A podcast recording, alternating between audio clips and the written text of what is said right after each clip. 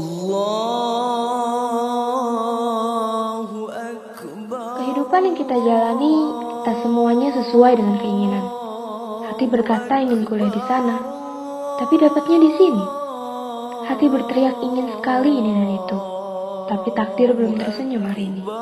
Kadang kita lupa kalau sesungguhnya ada kata ikhlas yang siap membuat hati kita jauh lebih tenang dan menerima apa yang sudah ditakdirkan. Jika ada yang bertanya, apa itu ikhlas? Bagaimana cara ikhlas? Itu artinya sudah saatnya kita belajar pada lelaki pemberani yang sejarahnya terus berulang hingga hari ini. Siapa lagi kalau bukan Nabi Ibrahim alaihissalam? Dengan hati yang ikhlas, Ibrahim mengasah pisau untuk menyembelih anaknya sendiri. Bayangkan, seorang anak laki-laki yang dimilikinya, yang disayanginya, yang dicintai tentunya, harus disembelih oleh tangannya sendiri.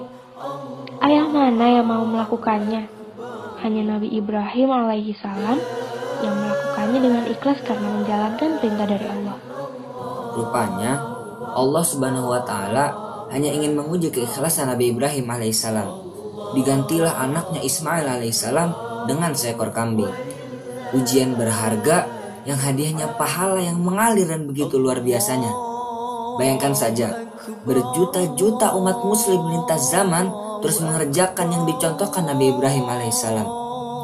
Itulah yang sering kita sebut dengan berkurban. Begitulah buah dari keikhlasan. Luar biasa, bukan?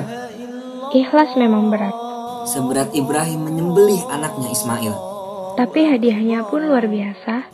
Seluar biasa Nabi Ibrahim yang diikuti umat muslim dalam berkurban. Yuk kita belajar ikhlas.